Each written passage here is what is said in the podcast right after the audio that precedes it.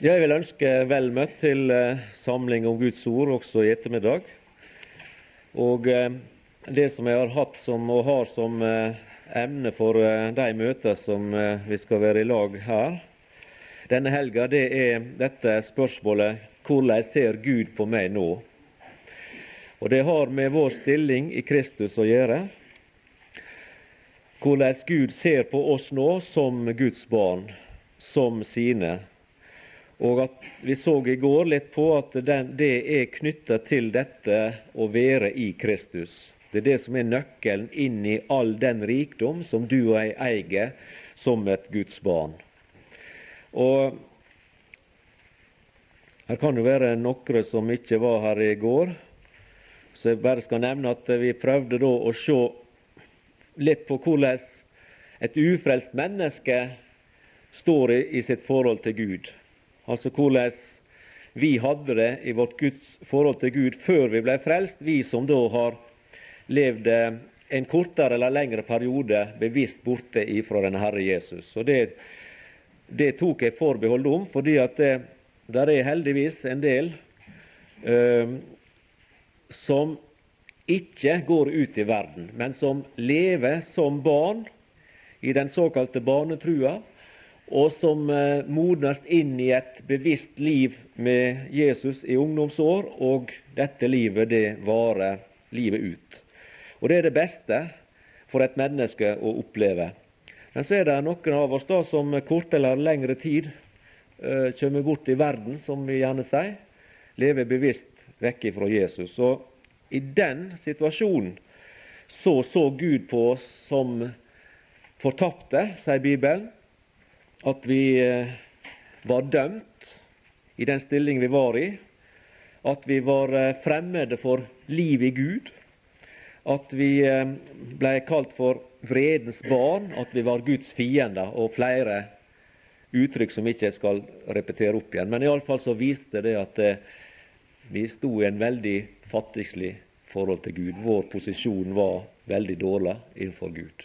Vi var som Paulus sier i Feserbrevet der. Og det er i grunnen et veldig tragisk uttrykk, syns jeg, når han sier dette uten Gud og uten håp i verden. Det, er, det kan ikke bli fattigere enn det.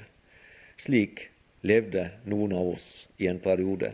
Men så kom evangeliet til oss, og Gud grep inn i våre liv. Han fikk frelse oss. Han fant oss, og han vant oss til seg. Og så er det at spørsmålet kommer hvordan ser så Gud på oss nå i vår frelste stilling og situasjon. Og vi eh, Jeg leste opp eh, nesten 50 forskjellige ting fra Det nye testamentet, som var en liten brøkdel av det som du og jeg som et Guds barn eier i dag. Og som vi eier fordi vi er flytta over fra døden til livet, fra Satans makt til Gud. At vi er flytta inn i det som ordet sier. Derfor, dersom noen er i Kristus, da er han en ny skapning. Det gamle er forbi. Sjå, alt er nytt. Og så På slutten da så sa jeg det at vi skulle prøve å knytte videre svar på dette spørsmålet, hvordan Gud ser på oss nå, og knytte det til første kapittel i Efeserbrevet. Og der er det at vi starter nå. Efeserbrevet det bruker uttrykket 'i Kristus' eller lignende uttrykk med samme betydning mer enn noe annet brev eller bok i Det nye testamentet. Jeg har notert meg at 35 ganger blir dette uttrykket eller tilsvarende uttrykk brukt i Efeserbrevet.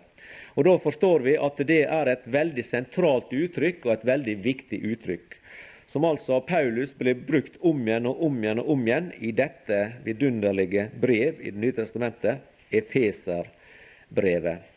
Og Derfor er det også rimelig at du og jeg tar oss litt tid i ettermiddag og studerer litt um, da kapittel 1 ut ifra dette her, om hvordan Gud ser på deg og meg nå, og med tanke på vår stilling i Kristus. Og Det som går klart fram fra det første kapittel, og også ellers i Det nye testamentet, det som går klart fram, det er at når Gud ser på deg og meg, så ser han oss ikke stående alene. Han ser ikke oss alene i vår egen person, men han ser oss knytta uløselig til personen Jesus Kristus. Og Ut ifra det så vil jeg drage fram fire ting. Og jeg vil ta fram to av de tingene nå i dette møtet, og de to neste i kveld. I kveld. Og Disse fire tingene det er da at Gud ser oss i Kristus som utvalgt. Han ser oss som frelste. I Kristus har vi fått sønnekår, og i Kristus har vi fått vår ære tilbake. Du husker sikkert fra romerbrevet at alle har syndet og står uten ære for Gud. I Kristus så har vi mennesker fått vår ære tilbake. Vi blir æra av Gud. Vi blir hedra av Han. Og Disse fire tingene skal jeg prøve å si noen ord om. Og Det som jeg syns eh, å dra fram da først, det er at eh, hvis vi bruker litt tid på disse tingene, og studerer disse sannhetene her om å være utvalgt og frelst, ha sønnekår og fått vår ære tilbake, sammen med andre sannheter i dette å være i Kristus, så burde det gi oss glede. Det burde være årsak til glede i våre liv. Det burde være årsak til oppmuntring for oss som en kristen i hverdagen. Å få se den rikdom det er å være i Kristus. Og i tillegg da at eh, erkjennelsen av det og bevisstheten om at vi lever i Kristus, og hva denne vår stilling betyr, at det skulle virke på oss, sånn som vi her om i innledninga i går, at det skulle påskynde oss til å leve et liv til Jesu ære. Ut ifra dette ordtaket, eller uttrykket, som sies som slik, som du også kjenner til, at privilegier medfører ansvar. Og du og jeg som er frelst, rykker ut av verden og lever som et Guds barn i dag, vi er privilegert. Tenk bare på deg sjøl, hvem du er. Tenk på noen av dine jamaldringer, enten du er barn, ungdom eller voksen. Jamaldringer, det kan være skolekamerater, det kan være medstudenter, det kan være medarbeidere på arbeidsplassen, som lever i dag borte fra Jesus men du er frelst. Du har fått del i de rikdommene som Jesus gir den som kommer til Han. De lever fattige, fortapt i seg sjøl. De lever slik som vi las om ifra Guds ord, som karakteriserer de som er borte ifra Gud. Og Da er du vel enig i at eh, du er privilegert. Du er heldig. Tenk på alle de rundt deg som på en måte har de samme forutsetninger. De har også hørt evangeliet. Men eh, hos dem så, så eksisterer fremdeles dette som vi finner i Korinterbrevet. om denne verdens Gud, som forblinder deres sinn, slik at lyset fra evangeliet ikke skinner for dem. Men i ditt hjerte skinner lyset fra evangeliet. I ditt hjerte har det gått opp fordi Gud har grepet inn og gjort et frelsesunder med deg. Er ikke du privilegert? Er ikke du heldig? Ja, du er heldig. Og jeg er heldig. Mange mennesker, også folk som står oss nær i livet og som vi er glad i, de vandrer i mørket mot det evige mørket. Og du og jeg, vi rykker ut som kanskje som en brann ut av ilden og frelst. Derfor så burde det at vi er så privilegerte og har opplevd Guds nåde på en slik måte i vårt liv, burde føre til at vi kjente ansvar som hans barn, hans representanter, og medarbeidere på jord til å leve et liv til Jesu ære. Som det blir sunget i en sang, dette 'O la mitt liv om Jesus tale'. Der er noe der som vi alle sikkert ønsker å kjenne på, og som vi ikke heller bør legge til side. At hvor som helst jeg går, at de andre et lite glimt av Jesus får, som viser vei til himmelens sale. Husk på at eh, for mange, i hvert fall unge mennesker, så er det sånn i Norge i dag at for mange ungdommer sin del så er det den eneste form for bibel de har, og kontakt med kristendom de har, det er kamerater og medelever og slike. De ikke, hører ikke et ord hjemme. De går ikke i sammenhenger der Guds ord blir forkynt. Det eneste kontakten med levende kristendom, det er den kontakten de har med deg. Og da kan det være at vi har et lite oppdrag fra den Herre Jesus der til å være et lite lys som kan vise vei til himmelhavn. Tilbake til eh, Efeserbrevet 1 og det første punktet. Gud på det svaret. Hvordan ser Gud på meg nå? så er det første jeg vil stanse for da, at han ser på meg som utvalgt i ham. Han ser på meg som utvalgt i ham. Og Vi skal lese vers 3 og 4. Lovet være Gud og vår Herre Jesu Kristi Fader, Han som har velsignet oss med all åndelig velsignelse i himmelen i Kristus, like som Han utvalgte oss i ham, før verdens grunnvoll ble lagt, for at vi skulle være hellige og ulastelige for Hans åsyn. Vi er utvalgt i Ham. Bibelen lærer at frelsa den begynner hos Gud, ikke hos oss eller med oss. Og Det syns jeg er veldig betryggende å vite, og veldig godt å få høre at det er slik at Bibelen lærer det, at frelsa begynner hos Gud og ikke hos oss. Romerbrevet kapittel 8 og vers 33 står der følgende Hvem vil anklage Guds utvalgte? Der har vi dette uttrykket 'utvalgte'.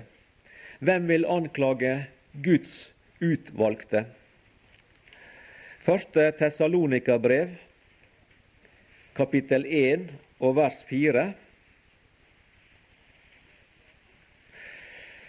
Da vi er visse på at dere er utvalgt, brødre, dere som er elsket av Gud. Og i første Peters brev, første kapittel,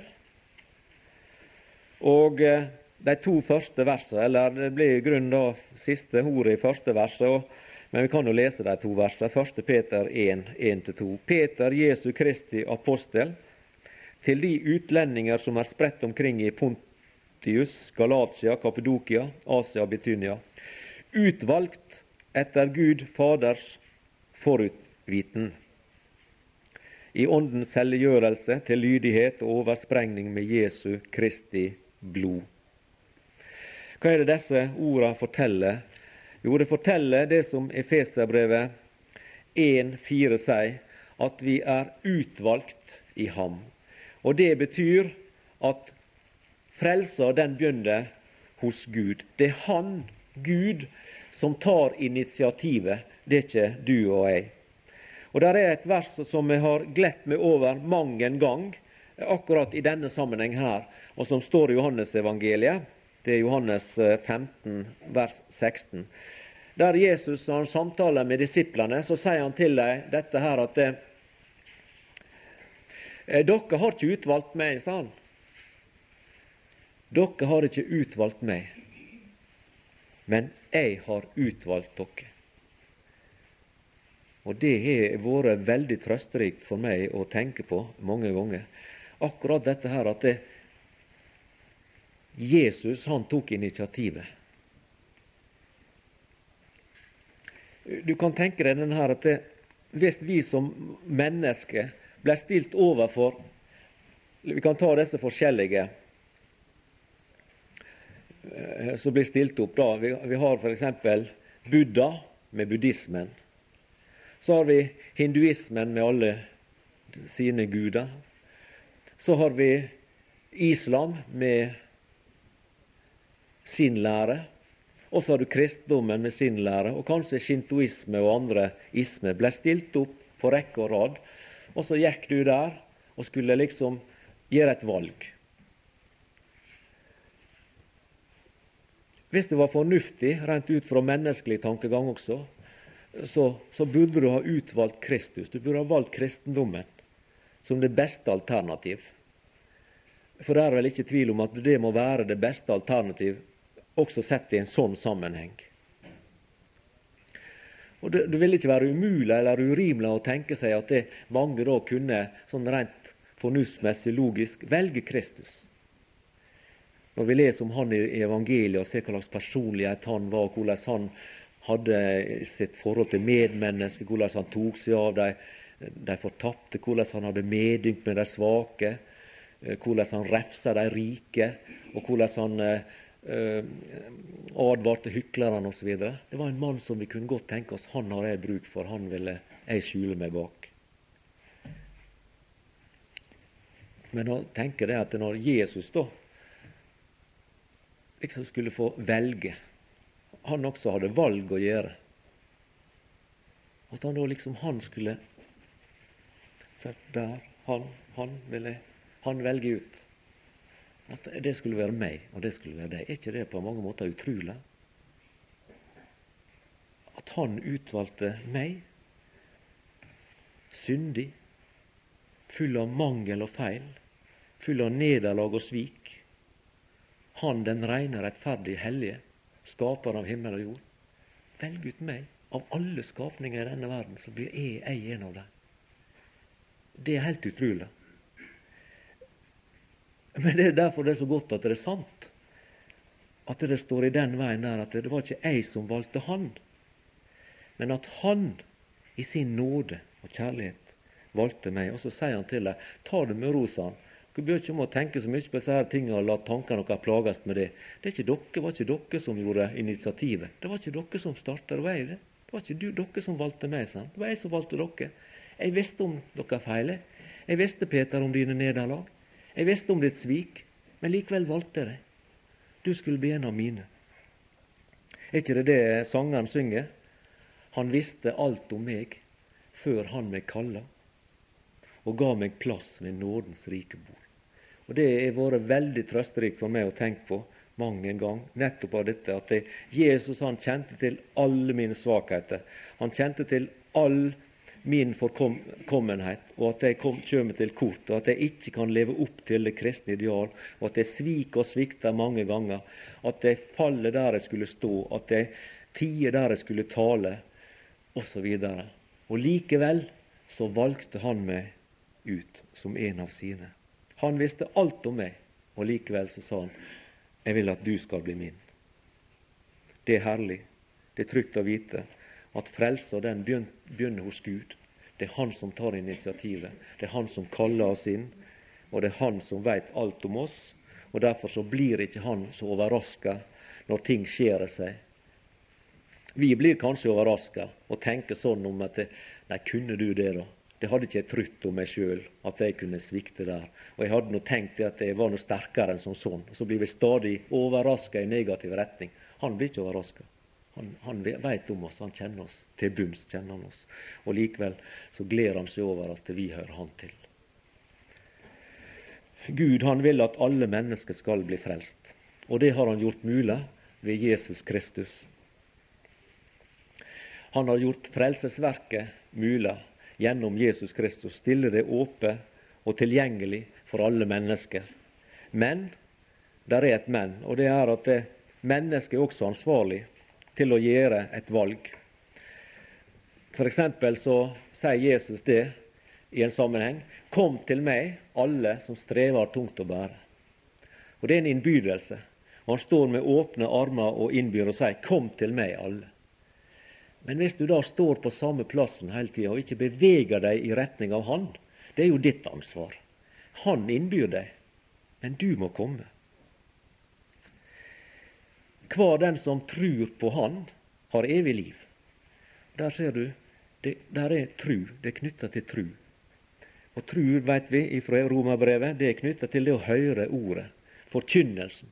Det skjer et under i ditt liv. Og så blir trua knytta sammen med trua sin gjenstand, den Herre Jesus. Og du har i Johannes 1,12 alle de som tok imot Han, ga Han rett til å bli Guds barn. Men konsekvensen og resultatet er at en blir Guds barn. Men de som tok imot han, altså du må ta imot. Du kan velge å la være å ta imot. Du kan ta imot. Du kan velge å la være å komme, eller du kommer. Evangeliet det blir forkynt ut til alle. Alle mennesker kan bli frelst fordi Gud vil at alle skal bli frelst, og har gjort det mulig gjennom Jesus Kristus. Og så lyder frelsens budskap ut over jord, og den som hører det, må ta stilling. Og så kan du si ja, eller du kan si nei. Og Derfor så er det en oppfordring, slik som det står i en ungdomssang, velg Jesus. Så kommer valget inn. Velg Jesus, du som står i livets lyse sommer. Velg ham for livet. En bedre venn kan du aldri få. Velger du å si nei, så må du ta konsekvensen av ditt nei. Velger du å si ja, så blir det også konsekvenser av vårt ja. For å oppsummere kort så vil jeg si det slik at å vite at du og jeg er utvalgt i Han, det burde for det første være en trøst for oss, og at det burde være en styrke for oss i hverdagen når vi opplever at av det vi er i oss sjøl, i vårt tankeliv, handlingsliv osv., så, videre, så kan vi begynne å lure på kan virkelig Gud være glad i meg slik som jeg er. Ja, sånn som en sanger sier at kan du ha meg kjær, enn så heslig jeg er, så er du en forunderlig Gud. Vi kan begynne å lure på om Gud virkelig kan Kan det være mulig at Han, den hellige, rettferdige, allmektige Gud, kan være glad i meg, en slik stymper som jeg viser seg å være i mitt praktiske kristenliv? Så er det trygt å vite dette her at det var Han som begynte. Og Han visste alt om oss, og så valgte Han oss ut slik at vi er utvalgt i Kristus. Og det er da et, en grunn for at det, eh, hans kjærlighet til oss er uavhengig av våre nederlag, våre svakheter og våre mangler. Han er glad i oss likevel. Jeg kom nå på eh, noe som jeg hører for mange år siden i Kristiansand frikirke. Det var en, eh, en av de veteranene i, i Frikirka i Norge Eh, pastor Simon Løvgren han eh, talte. Jeg husker enda at han talte om Mefiboset i et møte der. Og Så fortalte han da om seg sjøl. Det var flere søsken hjemme i familien. Og så En gang de satt ved middagsbordet, jeg tror det var en søndag, søndagsmiddag, så sier plutselig han Simon da til faren Du, pappa, sa han, hvem, er du gladest i? Hvem er du gladest i? Nei, sa faren, jeg er jo like glad i alle sammen, jeg, sa han. Nei, sa han eh, Simon, det må være én du er mer glad i enn andre. Det syntes han nå var naturlig. Ja, så tenkte nå faren seg litt om, da, så sa han ja hvis jeg skal nå bli nødt til å gjøre et valg, sa han, så, så må jeg nesten si det at eh, jeg er gladest i deg, Simon. Er du gladest i meg, pappa? Ja, jeg er nok gladest i deg. Ja, hvorfor det, da? At du er gladest i meg? for du er den slemmeste. Og Det er vel slik at det, vi har kanskje lett for å tro at hvis vi er slemme og stygge, liksom sånt, da når ikke farskjærligheten oss. At vi har vanskelig for å se at Gud kan være glad i oss da. Men slik fungerer ikke familieforholdet. Det vet du i, din, i din egen familiesituasjon. At det fungerer sånn at farskjærligheten og morskjærligheten den er der uavhengig av kan du si, barnets oppførsel og sånt. Det går på andre sider ved familielivet. Men dette med kjærligheten, den overvinner alle slike ting. Og det syns jeg er greit for meg å vite. At uh, jeg er utvalgt i Kristus fordi Han valgte meg ut, fordi Han var glad i meg, fordi Han ville frelse meg. Og så får jeg hvile trygt i forvissninga om det. Og for det andre så syns jeg at det, det, å vite at jeg er utvalgt i Kristus, det burde gjøre meg takknemlig. Skape et ønske i meg om å leve for Herren i mitt praktiske liv. Det andre punktet det var eh, at eh, vi er frelst i Kristus, slik som vi finner i vers 7. Eh, Hvis vi går til Efeserbrevet igjen og leser vers 7. Det er jo frelsa som er omtalt der, annet enn det er brukt andre uttrykk. Der står i hvem vi har forløsningen ved Hans blod, syndenes forlatelse etter Hans nådes rikdom. Efeserbrevet viser oss altså at vi er utvalgt i Kristus. Men i tillegg viser det også at vi er frelst i Kristus. Altså at vi, som det står her, har forløsningen ved Hans blod. Syndenes forlatelse etter Hans nådes rikdom. Og Dette det forteller meg at eh, frelsa her Frelsa er jo mangesidig, det kjenner vi til. Men i dette verset her, vers 7, så syns jeg at eh, frelsa er liksom satt sammen av to element. Og Det ene det er forløsning, og det andre er syndenes forlatelse. De to elementene er knytta til det å være frelst. Og Da har jeg notert meg ting om dette med forløsning som er henta ut fra eh, Efeserbrevet av Adolf Bjerkheim. Jeg syns han eh, sier det på en veldig fin måte. Han viser da at det, i eh, Det nye testamentet så er det brukt tre ord for dette med å forløse. Og Ordet forløsning og forløse er brukt da i tre betydninger. og Jeg syns at vi skal ta noen minutter nå og minne hverandre på disse tre ulike betydningene av å forløse. Det har jo med slavemarkedet å gjøre i oldtida. Så var det jo slavehandel, og det var slaver som ble kjøpt og solgt på slavemarkedet. Og det er derifra dette her er henta.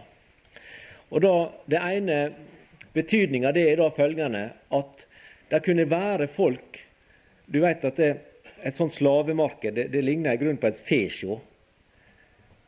At du, du, går på et fesjå for å kjøpe deg en hest eller ei, ei ku, en okse eller noe sånt. Så Da gikk de jo og kikka på dyra og, og sjekka på, inn i munnen på tennene. og Jeg er ikke så spesielt mye greie på det, men jeg vet iallfall sånne ting. De sjekka og så på det ytre. og tok på beina og, og liksom sånn for å se om det var noe lyte eller slikt. Og da vet du at i, i, På slavemarkedet så var det unge, og det var barn, og det var eldre. Det var familie, og de var enslige. Og Imellom disse her da, så kan vi tenke oss at det var noen som liksom var, hadde sett sine beste år. Som eh, en kunne tenke seg ikke var så veldig eh, mye til bruk. Og de ble jo ikke kjøpt i første omgang. Kan hende det var at eh, ingen bydde et rett øre for enkelte av dem. Og de gikk ei høgst usikker skjebne i møte. De ville jo da mer og mindre kunne bli overlatt til seg sjøl og, og, mer og mindre gå ut i anonymiteten og dø en stille død etter hvert. Ingen ville ta seg av det. Og så kommer du som rikmann ned på dette slavemarkedet, og så ser du kanskje et sånt menneske som dette her. Og så blir det, blir det, skjer det ting i ditt indre, i sinnet ditt. Du, du, du blir rørt. Du, du blir, får medynk med dette mennesket. Du syns det er synd i det. Og så vet du at du har i grunn mulighet for å kjøpe det fri. Du har mulighet for å kjøpe det ut. Slik at det ikke skal eh, kanskje forkomme og dø pga. at ingen bryr seg om det. Og så betaler du den prisen som er nødvendig for å kjøpe dette stakkars mennesket ut. Du husker Jesus i en sammenheng. Han så ei stor folkemengde. Og så står det om han at han, han ynkedes inderlig over dem. Da han så på dem som en flokk sauer som ikke hadde hyrde. Det var medynk. Han tenkte barmhjertige tanker, Jesus, om denne menneskegruppa. Og Det ligger da i dette uttrykket som blir brukt f.eks. i 1. Peters brev 1,18, der det står om at det, vi ikke ble kjøpt fri ved sølv eller gull, men at vi ble kjøpt med Kristi dyre blod, som blodet av et ulastelig og lytesløst lam. Og Samme ordet er brukt i Titus 2,14. Han som ga seg selv for oss for å forløse oss fra all urettferdighet og rense seg selv et eiendomsfolk. Han ga seg selv for oss for å forløse oss fra all urettferdighet. Og I den betydning så er det at Jesus går inn på livets slavemarked, for å si det slik. Du og jeg som naturlige mennesker borte fra Gud, vi levde i mørket. Vi var dominert av denne verdens gud. Vi var bunden i synd og i syndige vaner bunden av mørkets makt. Vi var slaver, så å si. Og så er det at Jesus, den rike, kommer ned på slavemarkedet. Og så ser han oss ut ifra barmhjertighetssynspunkt. Han syntes synd i oss. Han fikk medynk med oss. Og så visste han det, at han var rik nok til å kjøpe oss ut av slavemarkedet og gi oss ei framtid.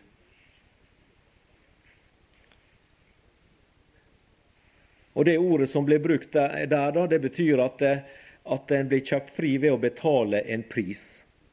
Og du vet hva som var prisen? Det hører vi her fra Peters brev. Med Jesu Kristi blod, som blod av et ulastelig og lytesløst lam. Men så var det også da ei gruppe mennesker på slavemarkedet som var unge og, og, og voksne og spreke og var arbeidsfolk som skulle kunne brukes til noe nyttig for, for en slaveeier. Og Da blir det brukt et ord som har det innholdet i seg at ble, slaven ble kjøpt for å være til nytte. Slaven ble kjøpt for å kunne utøve ei tjeneste for han som kjøpte slaven til sin eiendom. Og Det finner vi f.eks. da i Åpenbaringa 1.5, der det står at det han som elsker oss og har fridd oss fra våre synder med sitt blod.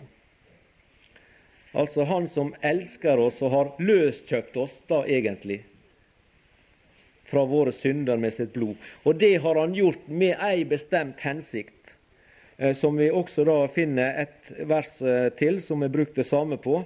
Det er 1. Korintier 6,20. 1. Korinterbrev 6 og vers 20. For dere er dyrt kjøpt, er da Gud i eders legeme.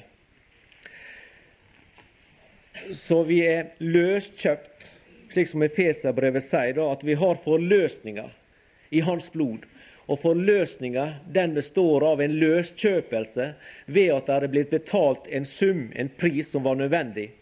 Og Den har altså tre betydninger. For det første at du og jeg ble kjøpt fri fra vår gamle stilling og tilstand fordi Jesus han hadde medynk med oss. Han så at vi ikke klarte oss sjøle. Han så at vi var fortapt i oss sjøle, men at han kunne, hvis han ville, kjøpe oss fri. Og det både ville og kunne han, som sangeren sier.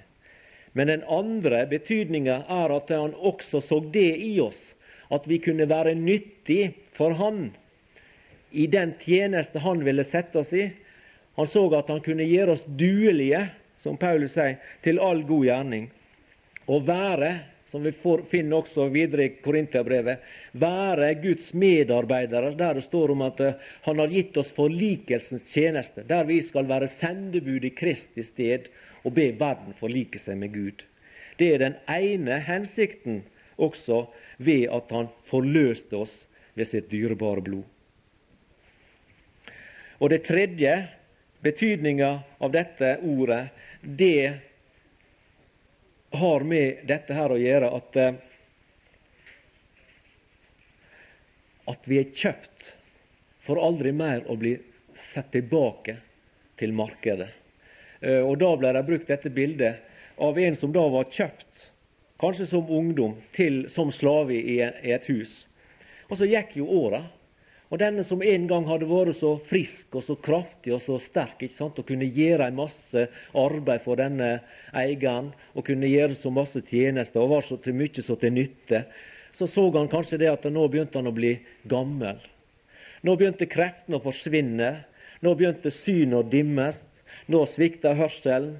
Beina begynner å skjelve. Og han var ikke så effektiv lenger. Og så kunne han begynne å lure hva nå? Hva vil nå eieren gjøre med meg når jeg når alderdommen? Hva vil skje? Vil han liksom dra meg ned på slavemarkedet og så by meg ut til den som eventuelt ville by noen kroner? Hva vil han gjøre?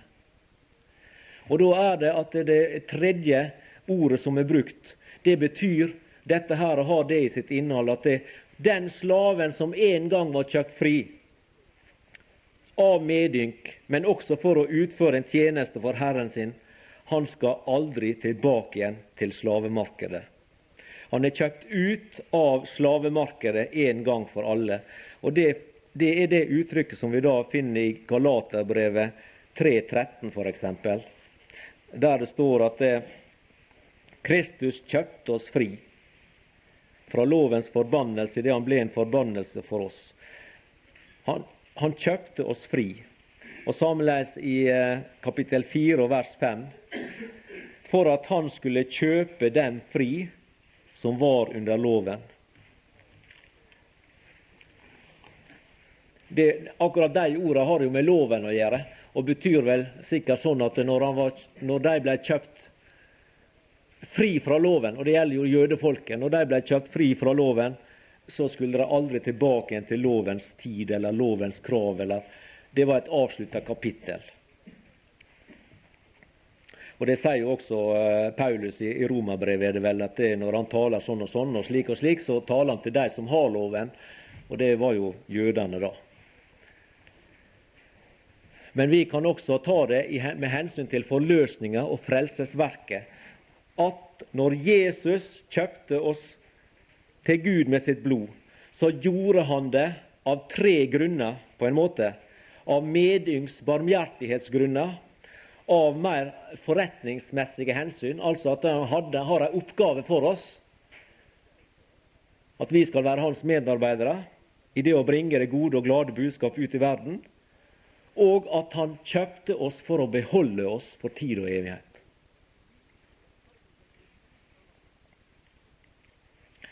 Det syns jeg er veldig betryggende å vite. Jeg slipper og, eh, liksom gå og grunne på, på, dette der. Men jeg kan hele tida, samme om jeg er ung eller gammel, så kan jeg synge at min framtidsdag er lys og lang. Enten framtidsdagen min er én dag eller ti år eller 20 år, så kan jeg hele tida synge det. Fordi jeg har ei framtid. Jeg forventer ei framtid lys og lang sammen med den Herre Jesus. Det er ingenting i ordet som skulle tilsi noe annet. Og Det gir meg også frimodighet til å vitne om den Herre Jesus og til å kunne forkynne evangeliet for andre. Jeg slipper å stå på talerstolen og si 'Kom til Jesus og bli frelst'. Det er punkt A. Og punkt B men jeg kan ikke love deg at du blir bevart. Det kan jeg aldri stå og si.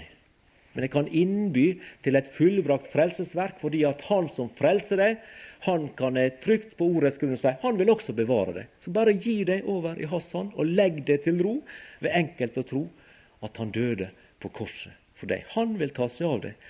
Som vi hørte i stad, det var han som utvalgte. Det var ikke vi som utvalgte han. Han er det som begynte en god gjerning. Han vil fullføre den inntil Jesu Kristi dag. Jesus står i Matteus 20, ga sitt liv til ei løsepenge for mange, og prisen den ble betalt på Golgata.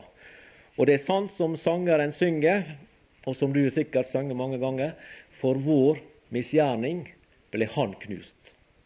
I slektens sted han gikk. All verdens synd, også dine og mine, all verdens synd på han ble kast. Hver fange frihet fikk. Han gikk ned på slavetorget og kjøpte oss fri. For at vi aldri mer skal bli satt tilbake igjen til det slavetorget. Og En av mine gode venner han bruker å si det slik, og han eh, hadde hørt det fra en eller annen, men jeg syns det var veldig godt sagt.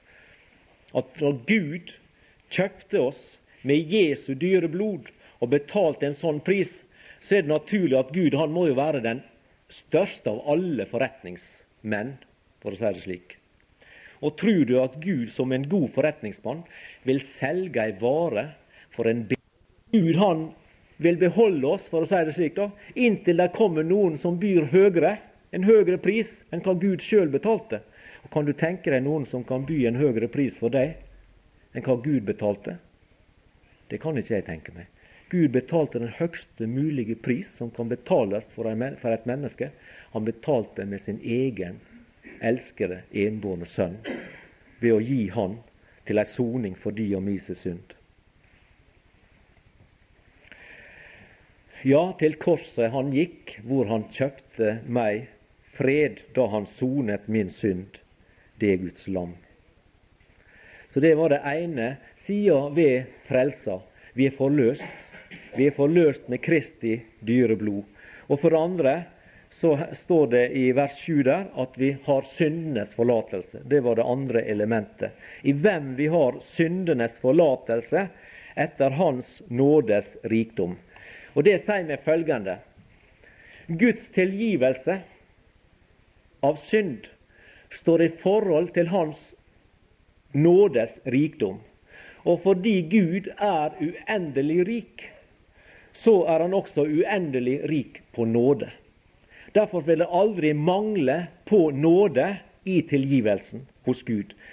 Gud han er uendelig rik på nåde, og vil derfor overrøse sine barn med den nåde til enhver tid som du og jeg måtte ha behov for. Ja, slik som Romerbrevet sier, at i den nåde i hvilken vi står. Vi står i nåde. Og Det ordet som er brukt, eh, har jeg funnet i ei bok. Det greske ordet som er oversett med, med forlatelse her, syndenes forlatelse etter Hans Nordes rikdom, det betyr følgende, har følgende element i seg. Annullering av gjeld, tilgivelse av straff, frikjennelse av skyld. Alle disse tre elementene fins i ordet forlatelse. Det betyr altså at når du eier syndenes forlatelse, har opplevd frelsa Jesus Kristus og er blitt forløst og eier syndenes forlatelse, så betyr det at han har oppheva, annullert gjelden din, fordi den er betalt. Det var en annen som betalte. Han har tilgitt deg straffa som du burde ha, fordi det var en annen som tok din straff på Golgata, sonte den straffa som du skulle ha. Og han frikjenner deg for skyld, fordi det var en annen som gikk inn i din plass. De ropte mot han. Bort med han, korsfest han, gi oss Barabas fri. Så blei vi frie fordi han blei dømt. Så fikk vi liv fordi han ga sitt liv i døden. Så blei vi gjeldfrie fordi han betalte. Og så slapp vi å sone en evig straff borte fra Guds åsyn fordi Han tok vår straff på seg. Er ikke det herlig å være frelst og eie dette, som er altså et utslag av Guds nådes rikdom? Du er jo du har nå vært med på eller ja, i disse her forskjellige Nå skal det vel i, i, i høst igjen være sånne TV-innsamlinger. Det er stadig vekk vet du, folk på på dørene. Det er vel samme her nede som det er hjemme hos oss. at Det er stadig folk som går rundt og samler inn til alle mulige gode formål, som det er mest uendelig antall av. Og det er klart det at det, hvis vi gir, da, og når vi gir, så gir vi forskjellige forskjellig utgangspunkt. ikke sant? Hvis f.eks. jeg gir 100 kroner, så vil noen av dere yngste her sikkert ha gitt like mye i forhold til din rikdom hvis du ga ti øre. Det kan jeg være nokså sikker på. Så hvis du ga ti øre, så ga du i grunnen like mye som meg da, i forhold til din rikdom. Og Så kan du tenke deg at du er en synder. Du lever i, i et, en verden som er vanskelig på mange måter, og du kan ikke unngå å snuble og falle og oppleve nederlag som en kristen. Så har du bruk for tilgivelse. Du har bruk for tilgivelse fra far. Ja, hvordan er den begrensa? Og Da syns jeg det er så fint å tenke på dette der, at hans tilgivelse den står i forhold til hans rikdom. Vi eier syndes forlatelse etter Guds nådes rikdom. Er ikke sant at Gud han, han har ikke en hundrelapp. Han er jo milliardær. Han er jo, det er ikke råd å si, han er jo han eier jo alt, kan du si, da, og er uendelig rik. Og Derfor så har han slike ressurser at det samme hva slags behov du har for tilgivelse, så har han ressurser til å gi deg det du trenger. Ja, slik er Gud.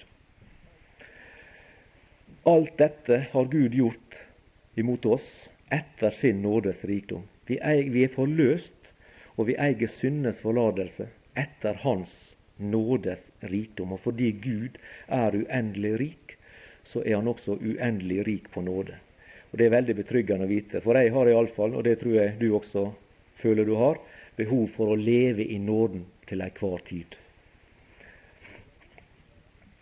Så la vi oppsummere følgende punkt. Fordi vi er i Kristus, så er vi fri fra syndens skyld.